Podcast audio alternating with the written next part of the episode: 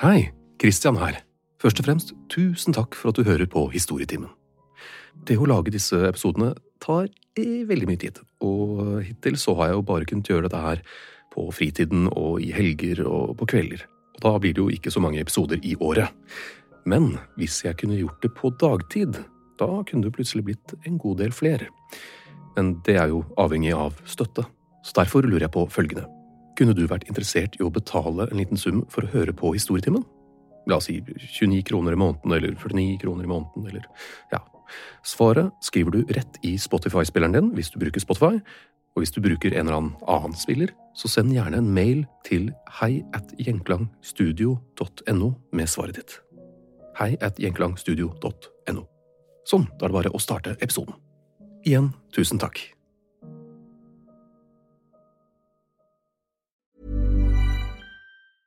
Hiring for your small business? If you're not looking for professionals on LinkedIn, you're looking in the wrong place. That's like looking for your car keys in a fish tank. LinkedIn helps you hire professionals you can't find anywhere else, even those who aren't actively searching for a new job but might be open to the perfect role. In a given month, over 70% of LinkedIn users don't even visit other leading job sites. So start looking in the right place. With LinkedIn, you can hire professionals like a professional. Post your free job on linkedin.com slash people today. Millions of people have lost weight with personalized plans from Noom, like Evan, who can't stand salads and still lost 50 pounds. Salads, generally, for most people, are the easy button, right? For me, that wasn't an option. I never really was a salad guy. That's just not who I am. But Noom worked for me. Get your personalized plan today at Noom.com. Real Noom user compensated to provide their story. In four weeks, the typical Noom user can expect to lose one to two pounds per week. Individual results may vary. Hey there, it's Michelle Norris. I'm host of a podcast called Your Mama's Kitchen. When I travel, I'm usually looking for a way to find a taste of home when I'm not at home. And one of the things I love to do when I am at home is entertain. And Airbnb allows me to do that. When I was in California recently, I rented a house that had a great kitchen. And when we were sitting around the table, we're all thinking, we're in someone else's house. Someone could be in all of our homes as well. If you have a home, but you're not always at home, you have an Airbnb. Your home might be worth more than you think. Find out how much at airbnb.com/slash host.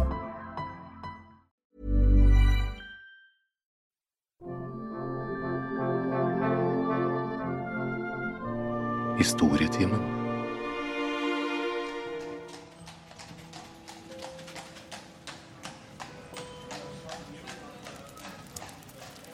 På 1800-tallet hadde industrialiseringen ført millioner av bønder inn til byene, og fattigdomstallene steg og steg. Kullrøyken lå som et grått teppe over takene, og smoggen var noen ganger så tett at man så vidt kunne se en meter foran seg. Forskjellen mellom rik og fattig og utdannet og uutdannet var helt ekstrem. For hver håndverksmester gikk det fort 93 lærlinger, som da gjerne var lærling mesteparten av livet sitt. Kanskje hele. Arbeiderne jobbet mellom 12 og 15 timer og brukte minst halvparten av lønna si til mat fra før av. Men uår og jordbrukskriser gjorde at matprisene økte betraktelig, og mat ble både dyrt og vanskelig å oppdrive. Det var denne verden Karl Marx og Charles Dickens skrev om. Fra 1845 til 1852 rammet den store potetpesten Europa, kjent i Irland som The Great Famine. I Irland alene døde rundt én million mennesker. I 1847 kom det i tillegg en finanskrise som gjorde at mange gikk konkurs, og enda flere mistet jobbene sine. Det hadde vært flere opptøyer før, spesielt i 1830, men i 1848 flommet det over. Nok var nok. Middelklassen og arbeiderklassen samlet seg, og rundt om i Europa begynte byer å brenne. Og en serie blodige opprør spredde seg. Revolusjonsåret 1848, også kalt nasjonenes vår, hadde begynt. Denne våren ga bl.a. den arabiske vår i 2011 et lite nikk til. I Frankrike ble monarkiet styrtet, og i Polen ble deler av adelen massakrert. Dette varte i om lag et år, og opprørene ble etter hvert ettertrykkelig slått ned. Men hendelsene i 1848 viste at noe var i emning. Ønsket om mer rettferdighet og sterkere demokratiske prosesser var sentrale. Sentralt sto også oppblomstringen av nasjonalisme, og det ble tydelig steilere fronter mellom landene i Europa. Det var i disse fredelige og trivelige tidene at en britisk dame ved navn Favel Lee Mortimer bestemte seg for å begynne på et ambisiøst prosjekt – å skrive en tredelt guide til alle verdens nasjoner. Den første av disse ble utgitt i 1849, altså året etter revolusjonsåret, og gikk under navnet Countries of Europe Described, land i Europa beskrevet. Det var datidens Lonely Planet, en reiseguide og geografisk introduksjon til alle de ulike landene i Europa. Den beskrev alt fra landets geografi og hvordan innbyggerne var, til hvordan maten smakte. Forfatteren var ingen hvem som helst. Hun var en kjent litterær skikkelse grunnet hennes enormt populære første bok, The Peep of Day. The Peep of Day, som kom ut i 1833, var en barnebok tilsiktet fireåringer, og var den første i en rekke av i alt tolv barnebøker. Og før århundret var omme, hadde Peep of Day solgt minst én million eksemplarer og blitt oversatt til 38 forskjellige språk. I dagens målestokk så er det imponerende, så bare tenk hvordan det var for 190 år siden. Hun hadde skrevet The Peep of Day med samme autoritet som en voksen som snakket til et barn.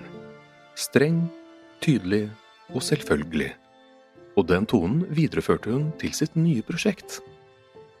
Men det var bare ett problem med disse reiseguidene. Eller tre problemer. Hun likte ikke å reise. Hun var misinformert om mer eller mindre alt hun skrev om, og sist, men ikke minst, hun likte ikke utlendinger. Resultatet ble til noe som i dag er hysterisk morsomt å lese, på grunn av alle de åpenbare feilene og den bastante forelder snakket til et barn-tonen, men ble også noe som på 1800-tallet og frem til første verdenskrig var med på å forme britenes nasjonalidentitet, og ikke minst deres holdninger til andre kulturer. Med sin selvfølgelige tone forvandlet hun sine egne fordommer til å bli lesernes fordommer. Lesere som ikke hadde reist verden rundt selv, og dermed ikke visste bedre. Den utdannede overklassen visste som regel bedre. De leste ikke hennes plebeibøker. Men så var det alle de andre, da. Arbeiderne. De som i hverdagen var vant til å følge en autoritær, sjefete tone fra alle over seg. De hadde jo ikke vært i Hellas. Så når kjente fru Mortimer skrev at grekere er dårlige foreldre og forferdelige sangere, ja, da måtte vel det stemme, da? Hennes første bok, The Peep of Day, hadde undertittelen En forfattet serie om de tidligste instruksjoner en kan gi som et spedbarn mentalt kan ta til seg, og hadde vært sjokkerende lesing i dag. For den er ikke bare direkte dømmende og gudfryktig, den er også sadistisk og rett og slett skummel i hvert fall for fireåringer. Første kapittel begynner slik. Gud har dekket knoklene dine med kjøtt. Kjøttet ditt er mykt og varmt. Inni kjøttet er det blod. Gud har pakket hud utenpå og dekker kjøttet og blodet ditt som en jakke. Hvor snilt av Gud var ikke det? Og jeg håper kroppen din ikke blir skadet. Vil knoklene dine knekke? Ja, hvis du faller fra en stor høyde eller en vogn kjører over deg. Åh, hvor lett det ville vært å skade den lille kroppen din. Hvis du faller inn i flammer, vil kroppen din bli brent opp. Hvis en stor kniv ble kjørt inn i kroppen din, ville blod strømmet ut. Og sånn fortsetter det. Ikke rart generasjonene som vokste opp med dette, ble litt preget. Boken har i ettertid blitt beskrevet, ganske korrekt, som en av de mest åpenlyst sadistiske barnebøkene noensinne skrevet. Og med tanke på hvor morbid den er, er det litt artig å tenke på at hun het Mortimer til etternavn, siden mort, eller mort, er latin for død. For øvrig gis Peep of Day fortsatt ut den dag i dag, og er populær barnelektyre i eh, visse religiøse grupper. En annen bok hun skrev, het Å lese uten å gråte, Winston Churchill måtte lese den i sin barndom, og i memoarene sine skrev han den rettferdiggjorde definitivt ikke tittelen sin. Man kan spørre seg hva får folk til å ville lese sånt? Men også hva får noen til å skrive det? For å nærme oss det må vi dykke ned i forfatterens liv. Favell Lee Bevan, som hennes fødenavn var, ble født i London i 1802. Hennes far var bankmann og en av medgrunnleggerne av banken som i dag går ved navn Barclays. Hennes familie var kvekere, og selv om hun ble oppvokst som kveker, anså hun seg selv etter hvert som en evangelist. Hennes mor hadde blitt fascinert av denne retningen, og det smittet over på datteren. Spesielt da hun var 25 år gammel og hadde forelsket seg i en venn av familien, den evangeliske presten Henry Manning. På den tiden var det vanlig å arrangere passende ekteskap for overklassejenter mens de fortsatt var tenåringer. Men noen måtte fortsatt fri. Det at hun var 25 år gammel, fra en fin og velstående familie i London, og ugift, forteller dessverre mye. Hun har følt seg uønsket, den alle bare så forbi. Manning og Favell møttes og skrev til hverandre. Og mens de snakket om Bibelen, var det en elektrisk stemning mellom dem som bare vokste, i hvert fall for hennes del. Årene gikk med konstante brevvekslinger inntil hun ble 30 og moren hennes fikk nok og forbød å skrive til han mer. Altså, fem år hadde gått, og han hadde ikke engang fridd. Hallo. Tragedien inntraff da hennes store kjærlighet noen år etter giftet seg med en annen. Ni år senere, før sin 40-årsdag, var det imidlertid endelig hennes tur til å gifte seg, og hun ble nå Miss Mortimer. Også denne gangen var det en prest hun hadde sett seg ut. Høres ut som et trygt valg, bare at uh, denne presten var en voldelig alkoholiker og ekteskapet milevis fra lykkelig. Hun brukte mesteparten av tiden på å gjemme seg fra hans vrede, rett og slett. Etter ni smertefulle år døde mannen hennes. Man skulle tro at dette kanskje var en gledens dag for henne, men nei. Noe annet hadde også skjedd. Hennes store kjærlighet, Henry Manning, han som giftet seg med en annen, han hadde gjort noe enda mer forferdelig.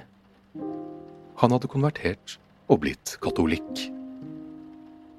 Evangelistene i viktoriatidens England eh, var motstandere av det meste. Dårlige lese- og skrivekunnskaper, alkohol, latter, ja, alt som andre syntes var gøy, men mest av alt katolikker.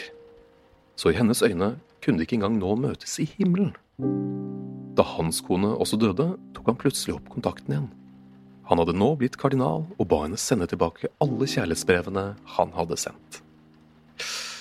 Ja, i tittelen nevnte jeg at det var en bitter guide, og i alle bøkene hennes er det en rød tråd, eller det er vel mer en mørk, mørk tråd, sort av sorg. For hele livet hennes var rett og slett bare sorgen. Hennes familie og venner var utsatt for en smørbrødliste av forferdelige lidelser og død.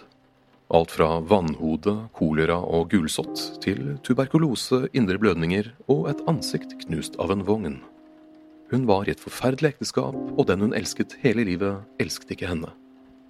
I biografien hennes fra 1901 står det at legen hennes sa hun var den eneste pasienten han noensinne hadde hatt som virkelig bare ønsket å dø.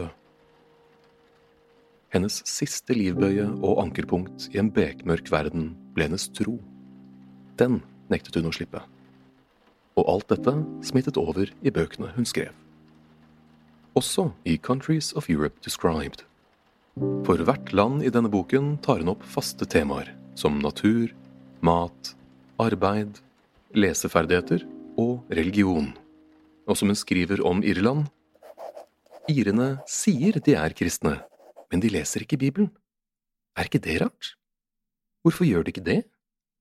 Fordi prestene sier de ikke skal. Og prestene sier det bare fordi de ikke vil at irene skal finne ut sannheten. Irene er romersk-katolske, som er en type kristendom. Feil type kristendom. Om arbeid i England skriver hun at i fabrikkene i Manchester jobber barn, men ingen yngre enn åtte år. Men en dag syntes en snill herre ved navn lord Ashley så synd på dem at han lagde en lov. I den loven står det at barn kan begynne å jobbe i åtteårsalderen, men bare i seks timer om dagen. Som man kanskje forstår, hadde fru Mortimer fint lite til overs for noe annet land enn England. Men Spania likte hun spesielt lite. Midt i en beskrivelse av landet begynner hun å fortelle en historie om to spanjoler som var ute og gikk. Plutselig kom det en ulveflokk, og de to mennene løp av gårde. Ulvene fulgte etter og spiste dem. End of story. Det verste er at hun går direkte derfra til å beskrive mat og kosthold i Spania. Jo, og så er landet selvsagt full av mordere og ranere. Hva skrev hun om eksempel Island? Skitne folk. Nord-Tyskland? Alt er vått. I Hviterussland røyker alle hele tiden, og i Sverige drikker alle hele tiden. Grekere er dårlige til å synge og forferdelige foreldre. Danmark er ikke like flatt som Nederland, men heller ikke like fuktig og stygt. Svenske snekkere er veldig klumsete, men skulptørene deres er dyktige. I Russland er damer klumsete kledd, polakker kan ikke lage te, og også i Wales er folk skitne. Kunne hun noe om disse landene? Fint lite. Hadde hun i det hele tatt reist til disse landene? Nei. Dog som tenåring var hun og familien på en kort visitt til Paris og Brussel. Som gammel dame, så etter at hun hadde gitt ut disse bøkene, reiste hun hele den lange veien til Edinburgh. Ellers bodde hun mesteparten av livet i en liten landsby ved navn Shropshire vest i England. Et par kilometer fra grensen til Wales. Besøkte hun Wales? Nei. Beskrev hun Wales i detalj som om hun skulle vært der? Ja. Kanskje fru Mortimer bare spilte inn under den allerede eksisterende fremmedfrykten som latent ligger i oss alle? Den beroligende underbevisste følelsen om at flokken er trygg, og alt ukjent er utrygt. Bydel mot bydel, landsdel mot landsdel, land mot land. At vi er sånn, og de er sånn. Som hun skriver i kapittelet om England. Hvilket land liker du best? Ditt eget land. Det vet jeg du gjør. Alle liker sitt eget land best. Klisjeer om nabobyer, naboland, folkegrupper og sånt florerer, og har gjort det i all tid. Du trenger ikke akkurat å klikke deg langt inn på internett for å se det. Selv om vi ikke vil innrømme det, så har nok de fleste av oss en eh, relativt klar formening om hvordan den gjennomsnittlige amerikaner eller russer er. Fru Mortimer er bare beviset på at det ikke skal så mye til for å fordype en allerede eksisterende splid, og forstørre en allerede eksisterende stereotypi. Hun sådde ingen ny idé, hun vannet bare bedet. Og disse underfundige, nesten komiske beskrivelsene hennes jeg har gjenfortalt, de var av hvite, kristne europeere. I de andre bøkene skriver hun om Asia, Amerika og Afrika. Du skjønner vel kanskje selv hvordan folk med en annen hudfarge og religion ble beskrevet av hennes penn? Det er, det er både fascinerende og tragisk at millioner av mennesker ble påvirket av det hun skrev. Generasjoner på generasjoner, samtidig som England var på sitt mektigste. The sun never sets on the British Empire, som ga leserne akkurat det beviset de trengte på at de var overlegne. Men tilbake til beskrivelsene. La oss ta en eh, liten titt på våre naboer. Om Danmark skriver hun at landet er veldig likt England. Språket også. Noe overraskende for oss. Det er ingen elver i Danmark, men en rekke bekker. København er en fin, men vanlig by. Hun poengterer også at siden den ligger helt flatt, så er den ikke like fin som Edinburgh. Byen er så stille at man skulle tro ingen bodde der. Damene i Danmark er lave og blonde, det er mennene også. Men de blir fort tjukke med alderen, for de har en så stor appetitt. Heldigvis drikker de ikke så mye som sine naboer i nord. I Sverige er det kaldt og flatt, men ikke like flatt som Nederland eller Polen. Folk spiser fem måltider om dagen, men de har en dårlig vane med å spise litt før selve middagen. Dette kaller de å jobbe opp en appetitt. Jeg mener de gjør det motsatte. En annen dårlig vane de har, er å drikke et glass med brennevin før måltidene. Heldigvis kan alle lese, og svenskene er glade i bøker. Du tror vel da at svenskene er vise og gode folk? Å nei, du. Det er ikke ett land i Europa hvor flere sitter i fengsel. Og rik som fattig banner de hele tiden. Allikevel, skriver hun, er svenskene veldig høflige. Som man hører, så skriver hun rimelig motstridende ting. Men for å videreføre det fru Mortimer forsto om oss mennesker, at vi først og fremst vil høre om oss selv, så avslutter jeg med hennes syn på Norge. Folket som bor i Norge, er høye, sterke og ærlige. Men de har et problem med alkohol. De leser lite og drikker mye. Maten er det ingenting å skrive hjemme om, med unntak av smøret, da. Norsk smør er det beste i verden. Finnes det et vakrere land i Europa enn Norge? Ja Sveits. En Chicago-basert forfatter ved navn Todd Prusan har samlet fru Mortimers beskrivelser i en slags Best Off-samling som heter The Clumsiest People in Europe. Boken anbefales på det varmeste. Du finner bilder til episodene på Facebook under Historietimen og Instagram under historietimen understrek podkast. Ta gjerne kontakt der hvis du har en idé til en historie du ønsker å få fortalt, eller hvis du lurer på noe. Og om du ønsker det og har mulighet, rate gjerne på din ønskede plattform.